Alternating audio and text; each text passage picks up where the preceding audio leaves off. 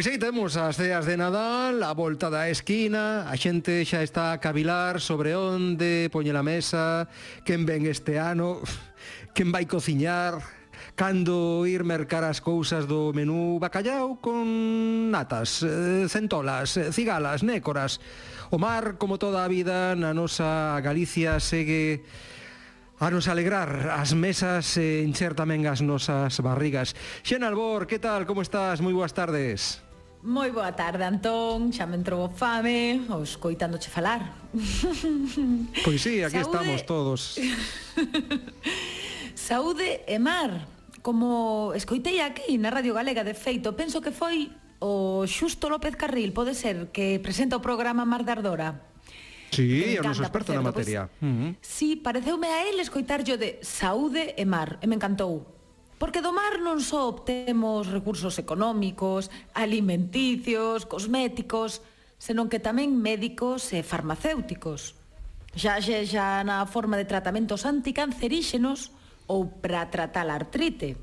E quen sabe, Antón, que tantas outras cosas boian, nadan ou fican pousadas que poden ser clave para nós, para a nosa saúde. Quen o sabe? Ninguén porque pensa que nun 90%, 90% é a porcentaxe de especies mariñas que aínda non temos identificado, nin sequera temos descoberto. Ou sexa, centos de milleiros ou mesmo millóns aínda por coñecer. Tan pouquiño coñecemos. E do fondo mariño xa non che digo, só o 0,05% é nada ten sido explorado. Mesmo hai quen di que o espazo exterior o espacio sideral é máis coñecido cos océanos. O que non sería raro se temos en conta que o espacio exterior leva moitísimo máis cartos para a investigación que os océanos. E Carlos Duarte, que seguramente che soe, vos soe, un investigador español moi bo, pois el defende que hai que protexer e estudar os mares e océanos e di, con retranca, que teñen feito os extraterrestres para nós para loitar contra o coronavirus. Pois el mesmo lembra que grazas a unha bacteria do océano profundo que temos as tristemente famosas PCR. Seguro que vos acordades, se tedes fillos na casa, de Sebastián o Caranguexo, que lle dicía a Sirenita que non marchara a superficie e lle cantaba tal que así. Bajo el mar, veña Elena, bajo el mar. Que bonita. É moi bonita. Feliz. Ai, xa me acordo, xa me acordo, pero non sei a Bajo el mar, bajo el mar. Non sei a letra, oh. Ves? Elena, a letra Bueno, básicamente Bajo el mar, bajo el mar. Eres ah. feliz, basicamente. Pois, pero, pero que caran... datos deches, Xiana, que estou abrallada, Flipas, que pouco eh? coñecemos, pero que non coñecemos. Coñecemos máis o que temos en riba da cabeza que debaixo dos nosos pés ou, ou mesmo nos océanos. É unha cousa tremenda esa, eh? Desde claro, todo brutal, o que o que hai debaixo do, das augas é algo enigmático aínda para os humanos. Se coñecemos máis o que hai fora no espazo, prácticamente. Curioso, eh, sí. É moi curioso, sí. E será que temoslle que facer ao revés do que dicía Sebastián. Sebastián o Caranguexo non quería deixar a sirenita ir á superficie. Teremos que ir cara ao medio mariño. A ver, hai quen o está a facer. Día a día mergullando alén do azul e falo das nosas convidadas. Sí, imos saudala Sara e Silvia. 13 grados traballan a educación ambiental para dar a coñecer o noso mar e tamén a axudar na súa conservación. Están con nós as súas fundadoras, Sara Carrasco e Silvia Iglesias. Moi boas tardes, Sara. Hola, que tal? Moi boas tardes. Que tal estás, Silvia? Moi boas tardes. Boa tarde a todas, que tal? Estou abraiado co que acaba de contar Xian Albor, que coñecemos máis do que temos por aí fora que do que existe baixo o noso mar. Pois que pensades? É así, Sara? Sí, totalmente. A verdade é que, bueno, é un pouco increíble o que este, estas cifras e realmente falan de importancia de, da necesidade de coñecer máis como son os nosos fondos, non? Porque, como ben falaba Xiana, son unha fonte de recursos moi importante para as nosas vidas e é importante poder asegurar o seu futuro tamén neste sentido. Sara é mergulladora e ilustradora, verdade, Sara? Sí, correcto. E Silvia é técnica en educación ambiental, non? Iso é, moi ben. Bueno, pasades gran parte das vosas vidas polo menos eh, ti, Sara, debaixo do mar. Dos pratos típicos das ceas de Nadal galegas, que especies mariñas tedes observado no seu hábitat natural? Ti mesma, Sara. Pois a verdade é que temos a sorte de disfrutar de, de ver moitas delas, non? No seu medio, ademais, que, que bueno, para nós é unha experiencia fascinante. Realmente, pois, poder disfrutar, por exemplo, de ver os azuis que los baixo auga os lumbrigantes, que son unha pasada, fermosísimos, ou mesmo as centolas, que ás veces incluso as temos diante e non as vemos, porque camuflense que é unha maravilla. E, bueno, despois tamén é certo que vemos moita nécora, por exemplo, nas tendas, ou mesmo bois, que eso es, bueno, eso xa se deixan ver menos. Mm. Agora que falas das nécoras, pois voulle preguntar a, a Silvia se realmente teñen personalidade eh, as nécoras. Bueno, nos a verdade é que temos un pouco a opinión de que todos os vechos, todos os animais teñen a súa personalidade, non? Outra cousa é que nos saibamos interpretala, que esa xa é outra película. Pero sí que é certo que moitas veces observando os animais mariños, pois ves comportamentos non máis típicos quizáis eh, nas nécoras non sexa tan marcado como nas centolas, que sí que son como máis macarras, non? Enseguida son máis a defensiva cando son nos máis macarras as centolas, estades escoitando. Un pouquiño máis, sí, sí. pero as nécoras teñen o seu, eh, que tamén as temos visto aí ter as súas trifulcas entre elas cando están a buscar o alimento e demais, non? E logo tamén mm, podemos observar noutro tipo de animais diferenzas eh, nunha mesma especie. Por exemplo, nos polvos, pois os hai que, que son máis tímidos, os hai que son máis curiosos, máis osados, non? Entón, sí que pensamos que, que, que teñen os seus rasgos característicos, non? Cada unha das especies. Son un pouco drag queen, non as centolas? bueno, as centolas a verdade é que son personas super curiosas, non? E, eh, a pesar de que, bueno, de que poden acabar un tamaño bastante grande, non? Como dicía Sara, moitas veces pasan totalmente eh, desapercibidas. E isto débese sobre mm. todo pois as perrucas que fan nas súas coirazas, non?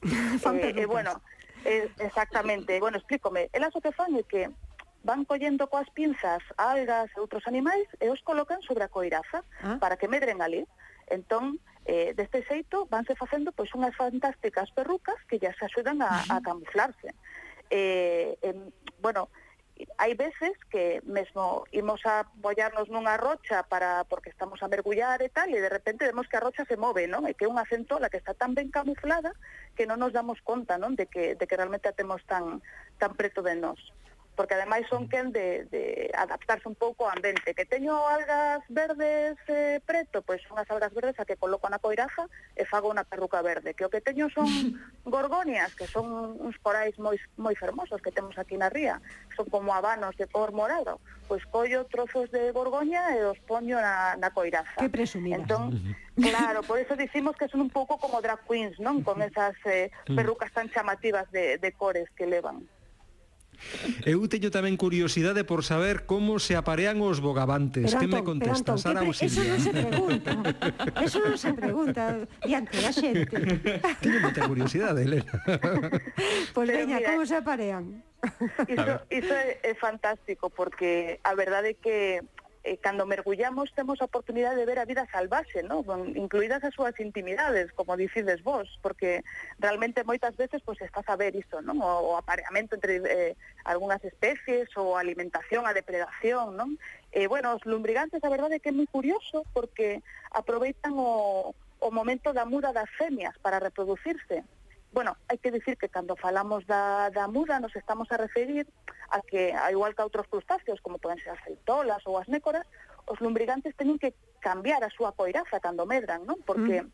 esa cuberta que teñen por fora é ríxida, entón se queren eh, seguir botando corpo, teñen que cambiarla, porque eh, non pode crecer con eles.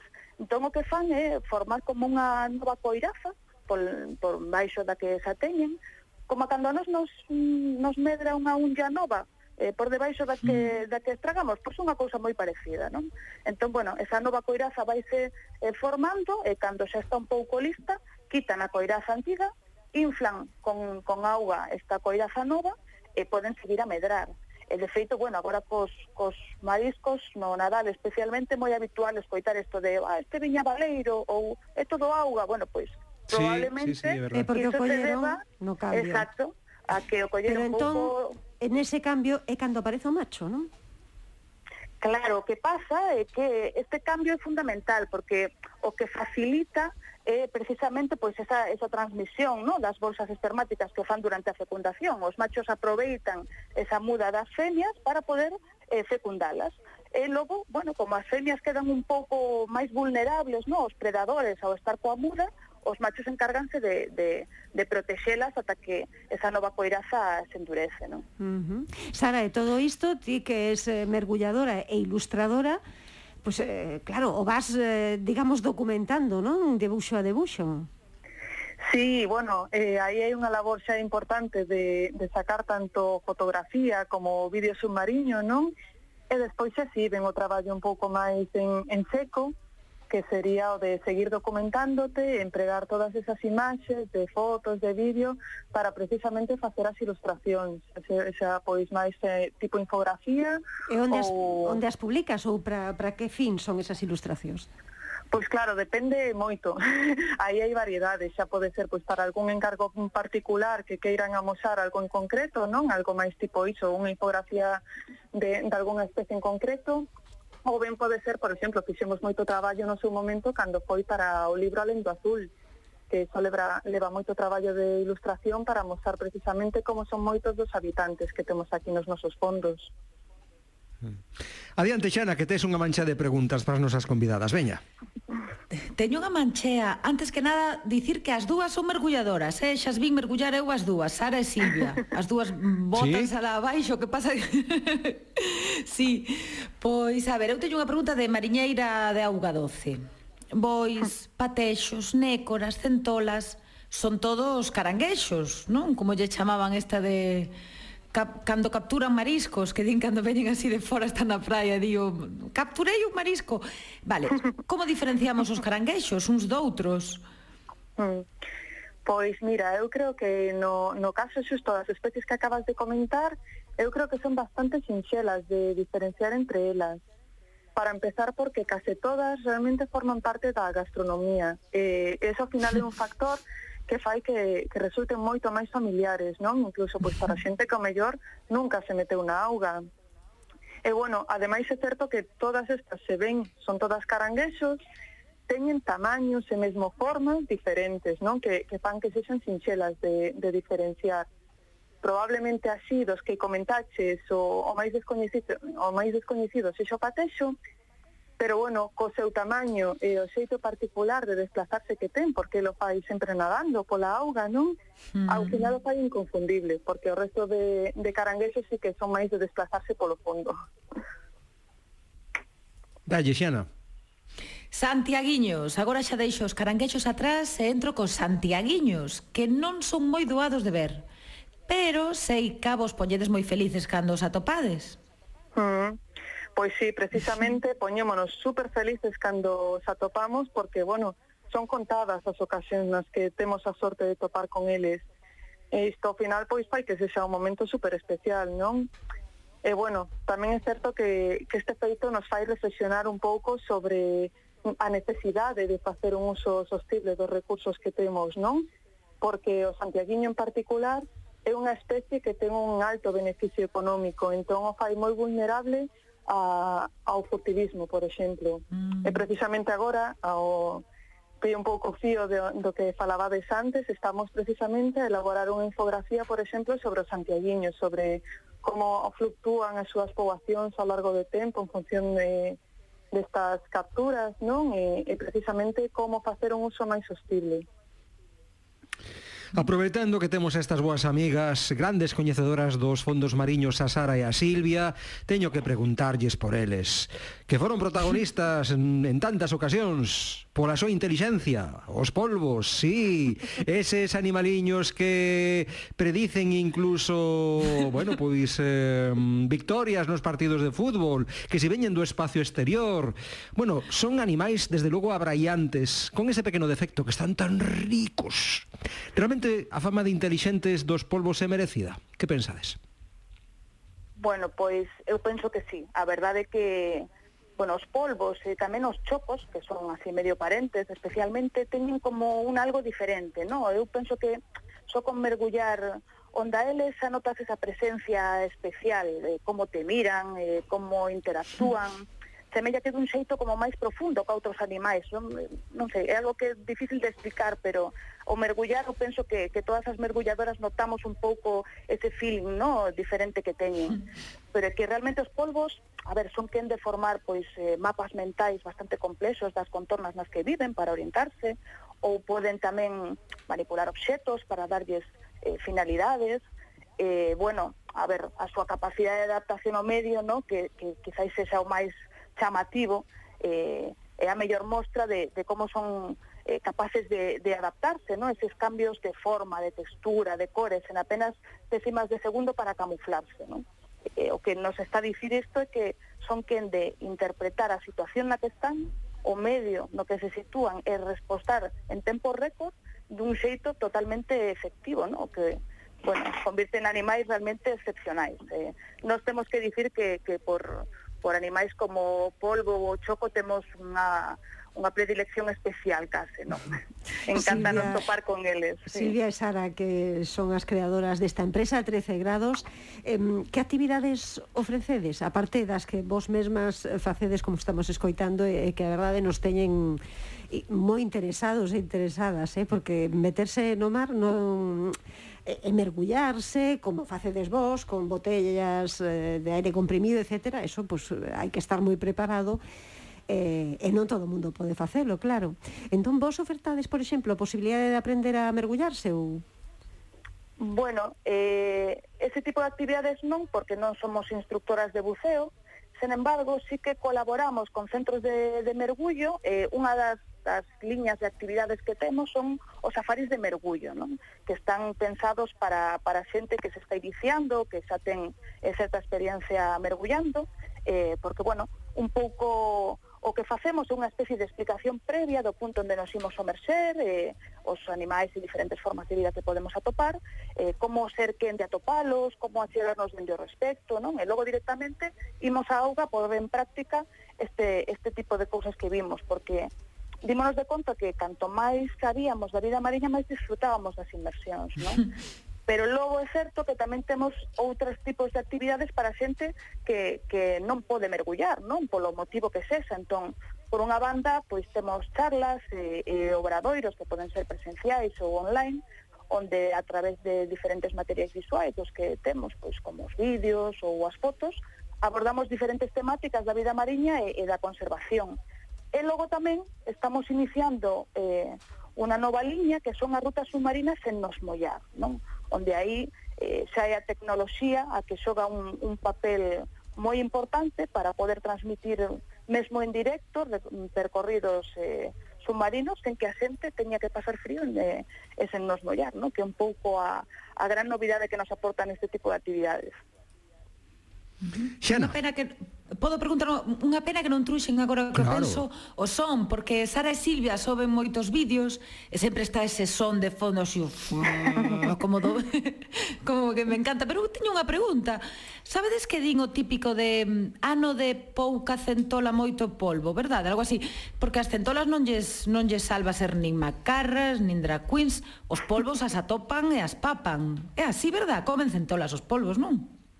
A ver, unha cousa eh, ou Sí, eh, eh, creo que hai ese dito con varios animais, co centolas de polvos, ¿no? con écoras de polvos, porque sí, en sí. realidade eh, sí que é certo que, que as centolas, sobre todo cando non teñen un tamaño moi grande, eh, son as víctimas, unha das víctimas perfectas dos polvos, no que lles encanta comelas. E de feito, hai unha cousa moi curiosa, porque no fondo do mar fanse moitas alianzas moi interesantes, non? Eh, eh, como un dos inimigos do, dos polvos son os congros, O que fan as centolas é que habitualmente viven moi próximas, mesmo compartindo o laño cos congros, porque así están nah. protegidas de que os polvos podan capturalas. Entón, bueno, son ese tipo de, de relacións, non? De, de, de amizades por interese ou non que, que ao final se fan para, para poder sobrevivir. Amigas, faríamos unha última pregunta, se vos parece, un pouco para entrar na diferenza entre o que pode ser un peixe de cartilaxe e un peixe con osos. Por exemplo, a diferencia entre un bacallao e unha raya. Bueno, en realidade... Ui, que difícil eh... a preguntar, non? Non, a ver, é que son ah. tipos de peixes eh, moi distintos, porque hai peixes que, como ves di, como ben dis ti, son de cartilaxe, é dicir, en lugar de ter espiñas, non? un sistema máis óseo, teñen eh, ese cartilaxe no esquelete, como pode ser o caso da raya, e, sen embargo, o bacallau sería o exemplo do, do peixe con, con esquelete de espiñas, non? E ainda que hai moitas diferencias entre un tipo e outro, por destacar así algunhas máis chamativas, pois podemos dicir que mentres que o bacallao ten escamas que recobran o, o seu corpo, as raias e tamén os tiburóns, que tamén teñen cartilaxe, pois non dispoñen de escamas. Eh, no seu lugar o que teñen son como unhas placas puntiagudas que se chaman dentículos e eh, que son similares en textura como a unha lixa, non? algo así. E poderíamos dicir tamén, por exemplo, que outra diferencia moi interesante é que o bacallao e moitos dos peixes eh, desenvolven como unha vexiga natatoria. Isto é como a, como a un flotador interno que lles axuda a nadar sen esforzo, non? A, a manterse a, a flote, por dicirlo de algún xeito. As raias, en cambio, pois non dispoñen desta, desta vexiga, pero, bueno, compensan esa falta pois, con outros recursos. Eh, por exemplo, o feito de ter o esqueleto de cartilaxe é máis lixeiro e permitelles poder nadar mellor, e sobre todo coas aletas, que se vos fixades as raias adoitan ter unhas aletas moi grandes e moi potentes, que son as que lle permiten o, o desplazarse na, na auga. Pero bueno, en realidad hai moitísimas diferencias, eh? pero, pero así quizáis esas, esas as máis as máis chamativas. Mm. Pois temos que despedir esta conversa tan agradable que mantivemos con Sara, con Silvia, con Sara Carrasco, con Silvia Iglesias. Foi un placer eh, eh tervos con nos aquí no programa tarde que nos falara desde 13 grados e tamén un pouco do voso traballo mergullando, ilustrando en educación ambiental Cando que irades, aquí estamos, eh? coas portas abertas e os micrófonos eh, o voso dispor. Moitas grazas e felices Nada, festas, Sara, Silvia. Moitísimas, Moitísimas grazas, grazas a vos. Unha aperta moi forte e nada, felices festas a todas. E antes de que marchedes, e antes de que marches tamén ti, Xian Albor, escoita un pouquiño esta canción que temos aí de Charles Trenet. La mer. o mar. La mer. que cante Charles Trenet. É moi bonita esta. Que fermosa. Ai, que fermosa é. La mer. Oh. La mer. On va danser le long du golfe clair. Non sei que dirá, pero é moi bonita, seguro que di cousas sí, bonitas. Si, é moi romántica. Non as ganas de meterse no mar así de golpe, sen probar temperatura ni nada. A la mer, veña. Hai que facelo no fin de ano, eh, que din que dá boa sorte. Ah, sí, sí, sí, é saltar é incluso as nove ¿eh? ondas. Ou once, sí, ou sete, eso, bueno, eso sempre que sexa impar Dá moi mala sorte Bueno, sí, é un dos rituais para quedarse embarazado. Mm.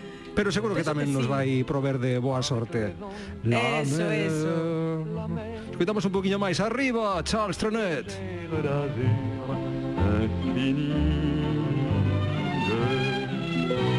Voyez, près des étangs, ces grands roseaux mouillés.